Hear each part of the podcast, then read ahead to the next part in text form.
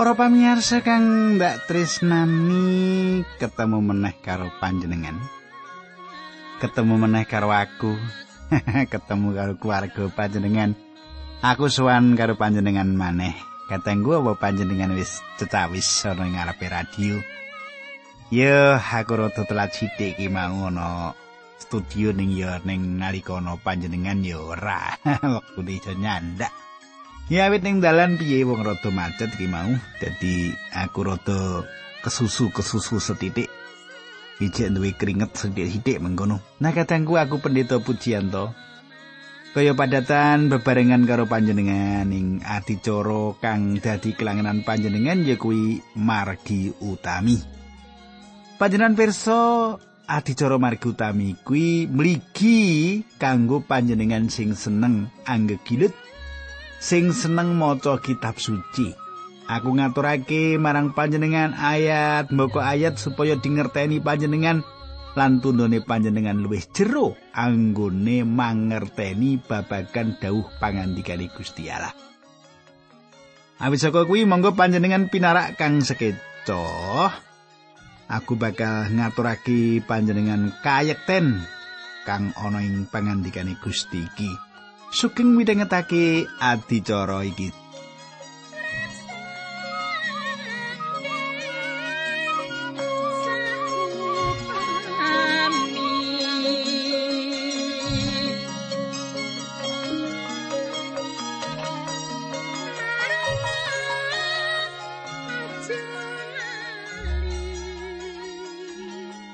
Katengku kang dak tresnani tak jaluk panjenengan isih kelingan apa sing dak aturake nalika patemon kita kepungkur panjenengan isih kelingan ta?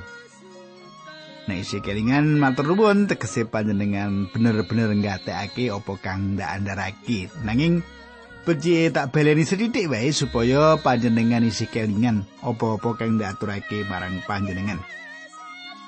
Katangku ing patemon kita kepungkur kita wis nyemak kepiye Naomi mulih menyang Bethlehem bebarengan karo Ruth mantune. Ya dah, iki kelingan dah. Nganti wong-wong do tako, apa bener ta iki Naomi ta? Ngono ya. Nah, sepanjene kepiye? Lakon iki kita bakal semak ing dina iki nanging sadurunge kuwi kita ndedonga dhisik. Nanging sadurunge ndedonga aku ngaturake panuwun dumateng sanak kadang sing wis maringi tanggapan marang aku marang adicara iki salamku marang Bapak Sunarto Abraham. Ya Bapak Sunarto Abraham. Kanthi kula mirengaken program margi utami menika kula rumangsa. Raos kapang kula. Kangge midhangetaken pangandikanipun Gusti kaobatan Pak Puji. Aduh Awit pripun kula mirengaken wonten gereja niku namung seminggu sepindah raosipun kok kirang kula. Wah. Heh, neneng wong Kristen kuwi duwe rasa ngelak pangandikane Gusti kaya Pak Sunarto Abraham ini.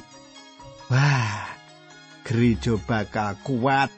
Wong bakal cecerakan karo Gusti Allah. Wong bakal dirubah tindak tanduke sing ala dadi apik ya marga akeh anggone ngrungokake pangandikane Gusti. Nek katengku ayo kita ndedonga bebarengan. Kanjeng Rama ing swarga kawula ngaturaken kenging panuwun. Menawi wekdal menika kawula saged tetunggilan kalian sederek-sederek kawula lan kawula matur nuwun pilih kanthi adicara menika saestu saged paring kalegan dumateng sederek-sederek kawula ingkang ngelak dumateng kayektosan pangandikan paduka. Kalau nyuwun tuntunan paduka Gusti, tinambaran asmanipun Gusti Yesus Kristus kawula tetunggal haleluya amin.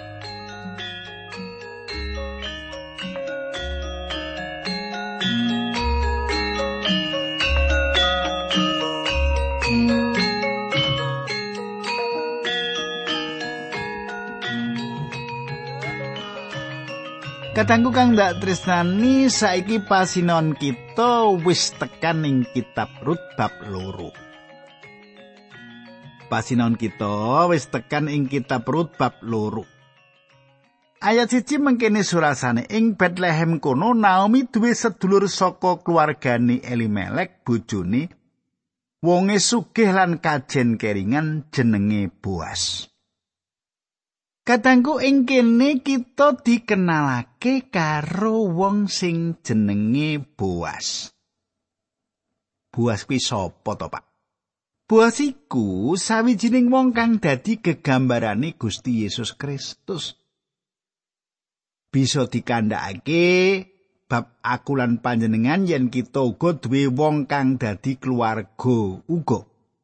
Gusti Yesus kang didadekke kaya kita nanging panjenengane ora dosa. Dadi aku lan panjenengan kena duwe keluarga to? Iya ta? Iki aku itu telepon saka Jawa Tengah kono. Jawa Tengah. Yo. kaya mboyo lali nek sedulurku dina iki sedo wah umure cek 50 taun ditimbali karo Gusti ya iku keluarga nah Gusti Yesus kang didadekke kaya kita nanging panjenengane ora dosa Ibrani pitu ayat 6 likur nyebutake mursid tanpa luput tanpa cacat pinisah karo wong-wong dosa iku Gusti Yesus. Boas kuwi wong kang sugih banget, ya. Nah, ayat loro, ing sawijining dina Rut pamit karo Naomi, Bu. Kula badhe kisah dateng Sabin ngasak jemawut. Kula ngertos mesti angsal tumut ngasak ing ngriku. Wangsulane Naomi, yo kena mangkato. Kadangku njupuki jemawut utawa hasil panen kang liyane sawijining perangan saka paugerane Musa. Iki sawijining cara Gusti Allah kanggo ngreksa wong miskin. Lan Rut uga Naomi uripe mlarat banget. Kasunyatane yen Rut kondo yen dheweke kepengin njupuki jemawut iku nuduhake kaya ngapa mlarate Naomi lan Rut. Ing sadroning kaimaman, kitab kaimaman 19 ayat 10, mengkene yen kowe derep aja ngeneni gandum sing ana ing pinggir lan aja ngasak gandum sing kliwatan kowe aja bali menyang kebon anggurmu nglumpukake woh anggur sing kececer kowe dadi pandumane wong miskin lan wong monco aku iki pangeran Allahmu katangku panjenengan gatekake Gusti Allah ngendika marang umat kagungane yen umat iku kudu ngrumat wong kang melarat lan menehi pitulungan kanthi cara kang ngidapi-dapi iki. Gusti Allah paring pitulungan lumantar sawijining cara kang mlebu ing nalar. Wong-wong melarat mau kudu njupuki gandum kang kelewatan. Paugeran iki dialamatake marang wong-wong kang duwe lemah. Iku sawijining carane Gusti Allah ngreksa wong melarat ing jaman semono. Gusti Allah maringi wong melarat mau apa kang kudu ditindakake wong-wong mau kudu nyambut gawe kanggo entuk apa kang dibutuhake. Katangku Para wong kang ngeneni gandum kudu nyambut gawe kanthi tangani. Ngeneni nganggo tangan pancen ora tumonjo awit bakal akeh ninggalake wulen-wulen gandum ing Tegal nganti bisa telung puluh persen. Yen wis ngeneni sepisan ora kena dibaleni meneh. Gusti Allah ngendika sawise kowe manen kang sepisan, sebanjure wong melarat bisa mlebu lan njupuki ulen sing keri. Manut aku, cara Gusti Allah iku apik banget. Apik banget. Wis mesti wae. Perkara iki ora cocok karo panguripan ekonomi lan politik kita ikang modern zaman saiki. Nanging cara Gusti Allah iki cetha lumaku ing jaman Rut nalika 30% hasil panen dijarake ana ing sawah utawa ana ing pategalan. Gusti Allah ngatekake wong miskin. Pangandikane Allah siji-sijine kang menehi wewengan kanggo wong miskin. Kita akeh utang marang pangandikane Allah awit mung pangandikane Allah kang tau menehi marang wong miskin sawijining pitulungan kang mesti. lan kaya mengkono rut atindak alasan paugeran iki. Dheweke kalebu loro jinis loro jinis wong. Wong manca lan wong mlarat. Dheweke njaluk marang Naomi supaya diidinake lunga ngasak gandum lan Naomi ngidinake. Ayat telu bab loro. Rut banjur budang nglumpukake jemawut sing kecer ing burine para wong sing padha derep. Kebenaran sawah mau duwe Boas sing isih kepernah sedulur karo Elimelek. Kadangku Menawa panjenengan wis ndeleng Rut lunga lan mlaku saurut dalan saka Bethlehem panjenengan bakal ndeleng wong wadon kang ora ngerti menyang sawah ndi dheweke kudu lunga. Kepiye dheweke bisa itu dalan nganti tekan sawahane Boas? Bakal ana sawijining prakara kang penting nalika dheweke tekan ing sawahe Boas. Menawa ora mengkono mula panjenengan bisa kondo karo wong majus supaya ora susah teko ing Bethlehem. Gusti Yesus ora bakal dilarake ana kana lan panjenengan bisa kondo marang para pangon supaya tetep angon weduse ing sisih puntuk awet Gusti Yesus ora bakal dilahirake ing Bethlehem. Panjenengan semak penting kanggo Rut lunga menyang sawah kang bener. Kepiye dheweke bisa nemokake sawah kang bener? Kadangku. Nalika Rut lunga metu saka kutha Bethlehem ing dina kuwi dheweke ngerti menyang endi dheweke lunga. Kitab suci kondo kebenaran dheweke ana ing tanah duwe buas. Tembung hab utawa kebenaran yaiku sawijining tembung kang sinebut Anglo-Saxon, asale saka tembung kang padha kaya perhaps bisa uga utawa happens kebenaran. Kasawang saka Rut apa kang dilakoni Rut kuwi kebenaran. Perkara iki sepisal maneh nuntun kita marang sawijining pitakonan. Kepiye dheweke bisa nemokake dalan menyang sawah Boas? Lan penting banget dheweke mlebu menyang sawah kang bener. Saka pandelengane manungsa iku sawijining kebenaran. Nanging saka pamirsane Gusti Allah iku beda meneh. Gusti Allah bakal mimpin Rut menyang sawah kang pas nanging Gusti Allah ora bakal nuntun Rut lumantar cara kang dipikirake wong akeh ing jaman saiki. Kadangku. Katone putusan Rut banget luwih penting tinimbang sawetara putusan kang digawi. Iku sawijining prakara kang gumenake bab kersane Gusti Allah. Aku ora yakin apa perlu kanggone Gusti Allah kanggo menehi marang panjenengan lan aku sawijining gambar pituduh. Kala-kala aku duwe pengarep-arep marang Gusti Allah bakal maringake. Lan kala-kala kita rumangsa yen kita duwe sawijining gambar kang bisa nuduhake kanthi mengkono kita kondo Gusti Allah ngersakake aku nindakake perkara iki lan aku ngerti yen iki kersane Gusti Allah. Yen iku ana gegayutane karo kersane Gusti Allah kanggo panjenengan, Menawa panjenengan pikir panjenengane bakal maringi lampu ijo marang panjenengan saben perapatan dalan utawa gambar pituduh kanthi ana panahe utawa ana swara saka swarga, panjenengan luput. Luput. Gusti Allah ora nindakake kaya mengkono iku, nanging perkara kang dutut ati yaiku menawa panjenengan duwe dalan loro ing ngarepan panjenengan lan panjenengan milih kang luput panjenengan ora bisa bali meneh lan miwiti sepisan maneh saka wiwitan. Lan panjenengan bisa diyakinake kegayutan siji prakara. Menawa panjenengan duwe dalan loro supaya panjenengan pilih lan kawitan pisan milih dalan kang luput, mula panjenengan ngerti dalan ndi kang bener. Ya ta? Jaman saiki katangku. Jaman saiki akeh wong kang nafsirake kersane Gusti Allah kuwi gampang banget Nanging kang mesti ora kaya mengkono kegayutan karo Rut. Rut mlebu ing sawah kang bener. Kanggone Rut ana unsur kabeneran. Nanging ing pikiran liya ana cawe-cawene Gusti Allah kang Maha Kuwasa.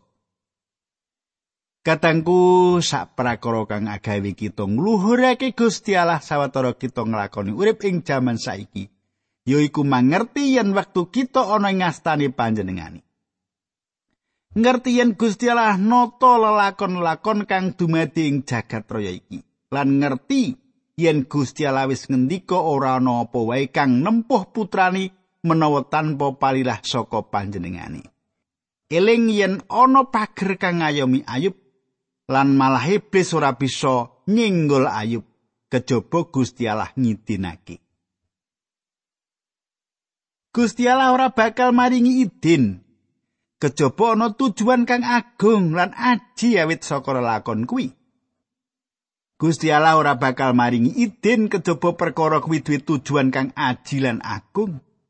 Lan pancen ana tujuan kang aji lan agung ing sajroning uripe Ayub. Lan aku yakin yen Rut ora ngrumangsani kaya ngapa pentinge putusan kang dipilih.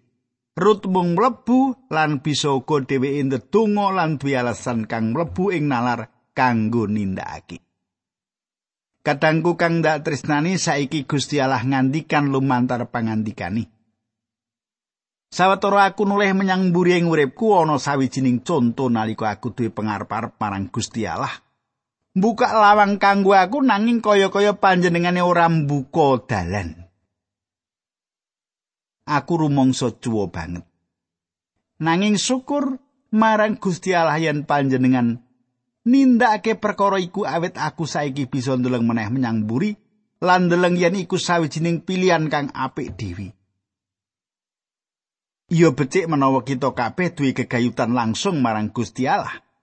Nanging aku ora yakin yen Gusti Allah langsung ngandikan marang kita. Dadi ngati-ati. Jaman saiki nalika kita kondo aku ngerti iki ya iku kersane Gusti Allah. Kita ora tansah bisa rumangsa yakin nanging kita bisa masrahake badan kita marang panjenengani. Ora duwe dosa kang durung diakoni ing sajroning urip kita. Ora ndadekake susah Sang Roh Suci lan ana ing sajroning pusat kersane Gusti sak pisane. Panjenengan bisa masrahake badan panjenengan lumantar cara kang indah.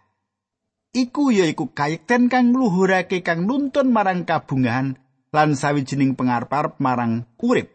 Pangreksane Gusti Allah saben dina maringake perkara kang gumunake marang putra Allah. Bab loro ayat papat. Ora let suwe buas teka saka Bethlehem lan awes salam karo para guru Allah berkahana kowe kabeh. Wangsulane para guru sami-sami mugi Allah inggih berkahi panjenengan.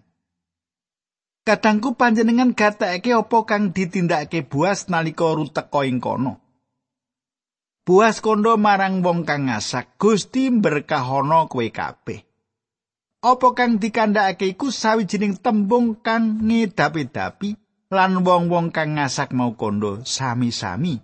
Mugi Allah inggih berkahi panjenengan. Wah, iku sawijining kegayutan antarane majikan karo buruh kang apik banget ing sawahe buas. Ayat 5. Buas banjur takon karo manduri, wong wadon kae sapa? Katangku saiki kita bener-bener tekan ing perangan kang ngedek-edeki ati. Rut rilo nampa kahanan mlarati. Dadi wong monco lan dadi rondo ana ing sawah jemawut kang kecer. Kebeneran dheweke lunga menyang sawahe buas. Bujangan kang banget dadi idam-idaman ing Bethlehem. Buas nyawang Rut kang sopisanan lan banjur kasmaran. Dheweke langsung tresno, ya iki kang sinebut tresno ing panyawang kang sapisanan. Buas bener-bener tresnani Rut lan carita tresnani iki dumadi ing sawahe Buas. Ayat 6 lan 7 bab loro. Pangsulani manduri, menika tiang monco ingkang dateng sesarengan kalian Naomi saking tanah Moab.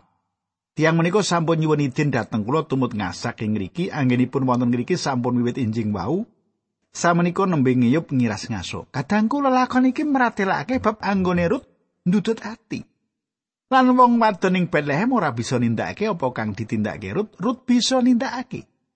Rut wis nampa kalungguhan minangka wong buangan lan dheweke ora duwe pengarep-arep entuk kawigaten apa wae. Coba panjenengan katekake apa kang ditindakake Buas. Ayat 8. Buas banjur kondo marang Rut, rungokno dhisik nggih. Ora susah kowe ngastak-asak ana ing sawah liyani. Lan ora susah kowe lunga saka kene nanging tetep cedhak o karo batur-batur kuwadon kadangku. Iki sawijining patrap nglairake ati kang aneh. Iki wong lanang kang kandi jujur ora duwe pepinginan wong melarat ana ing sawah. Paugeran Musa meratelake yen dheweke kudu ngidinake lan aku pikir buas wong kang lomo nanging dheweke ora gelem masang tondo lan kondo marang wong melarat Hayo mlebu menyang sawahku lan njupui jemawut. Buas ora ngulemi wong-wong miskin mlebu.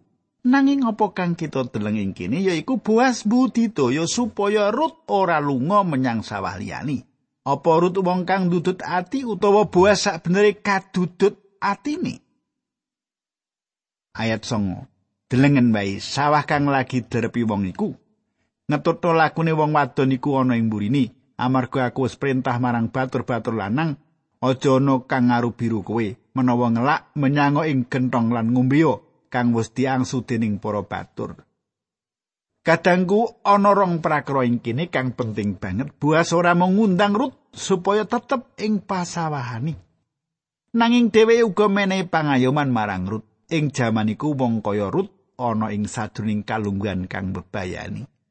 Dheweke kuwi rondo wong wadon saka Moab. dheweke bakal dinyek lan dinyek lan kanggo amane dheweke ora kajamin. Buas kang iling perkara kuwi enggal-enggal menehi pengayoman kanggo Rut saiki panjenengan gatekake kepriye tanggapane Rut parang patrap kang agung lan lomo saka Buas iki. Ayat 10 krungu tembunge Buas mau Rut banjur sujud ana ing ngarepe Buas lan kondo mengkene, "Pak, Kulo menika tiang monco kulo bingah dene panjenengan sae dateng kulo lan gatosaken kawontenan kulo. Katangku panjenengan semak. Rut wis cukup dielingake lan disadarake gegayutan karo kahanan menawa dheweke melu menyang Bethlehem bebarengan karo Naomi. Lan yaiku alasan Orpa ora melu. Orpa ora gelem nindakake pangorbanan kaya mengkono. Dheweke ora rilo dadi rondo selawase lan urip ing sadroning kemelalatan ing sisa umure lan dadi wong monco. Awit saka iku Orpa milih tetep ana ing tanah Moab. Nanging Rut melu Naomi kanthi ngerti apa kang bakal dumadi. Nalika dheweke lunga menyang sawahe Boas, dheweke ora tau ngimpi yen ana wong kang gatekake.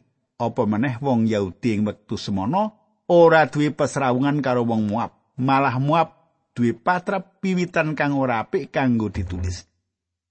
Lan kanggo alasan iku marang wong Moab diwenehi kalungguhan kang asor. Nanging kitab rut kang cekak iki nglairake sawijining bab kang banget ndudut ati pepalang beda bangsa dibrukake dening Gusti Allah kang cawe-cawe lan tresnani malah wong-wong kang duwe cacat lan sajroning kahanan kang kaukum. Kadangku yaiku kahanan panjenengan anakku ing jaman saiki. Mung Gusti Allah kang gatekake kahanane wong panjenengan ora bakal nemokake katresnan ing ngendi wae kaya katresnane Gusti Allah kang dikatonake marang wong dosa. Yaiku sebab Rut kondo kenging menapa kula nampi sih kawelasan saking panjenengan. Rut kaget banget. Dheweke kuwi wong manca. Dheweke kuwi wong kang kabuang. Lan manut aku iku sawijining pitakonan kang jujur kang dikandhakake Rut manut aku. Rut duwe samubarang kang diarep-arep saka wong wadon lan wong kang dadi bojo lan kanggo iku buas wis kasmarang marang dheweke. Aku bisa njawab pitakoni. Nanging ana ing sawijining pitakonan kang ora bisa aku jawab. Kenapa aku nampa siramat ing ngarsane Gusti Allah? Saiki aja dikandhakake marang aku supaya mulih lan nyawang sadurunging pangilon awit aku wis nindakake. Aku ora ndeleng jawabane ing sadurunging pangilon. Nanging Gusti Allah wis ngesokake sih rahmat marang kita. Kadangku Sih rahmat Gusti Allah dikatonake ing kene ing sadring sih rahmat kang diwujudake ing wong wadon kang jenenge Rut iki. Lan aku kudu nyarujuki yen prakara iki cetha sawijining conto sih rahmat kang ngidapi-dapi. Panjenengan lan aku bisa nakokake bab pitakone Rut nalika kita suwan marang Gusti Allah. Kenapa aku nampani sih rahmat saking paduka? Kita ora bisa njawab ing sajroning badan kita dhewe. Urip kita ora bener lan endah ing paningali. Kita ora ndudut ati, kita ora duwe mutu kang dikersakake Gusti Allah kang pantes nampani ganjaran lan pikur matani. Kita ya iku wong-wong dosa lan kita mbalela marang Gusti Allah. Nanging sinadana mengkono Gusti Allah tresnani kita, iku sawijining siji kayekten utama saka pangandikane Allah. Gusti Allah mratelake katresnani kuwi awit nalika kita isih dosa, Sang Kristus sedo kanggo kita. Panjenengane maringake sih rahmati marang kita yaiku landesan kenapa Gusti Allah nyelametake kita ing wektu iki? Panjenengane ora duwe alasan yo kanggo nyelametake kita. Tak teruske dina candake saiki kita ndedonga. Duh kanjeng Rama ingkang ngadhep dampar wonten kraton ing kaswargan Kawula ngaturaken kuing panuwun menawi wekdal menika kawula saged mirengaken dawuh pangandikan Paduka. Kawula nyuwun berkah Paduka Gusti dinambaran asmanipun Gusti Yesus Kristus kawula ndedonga. Haleluya. Amin.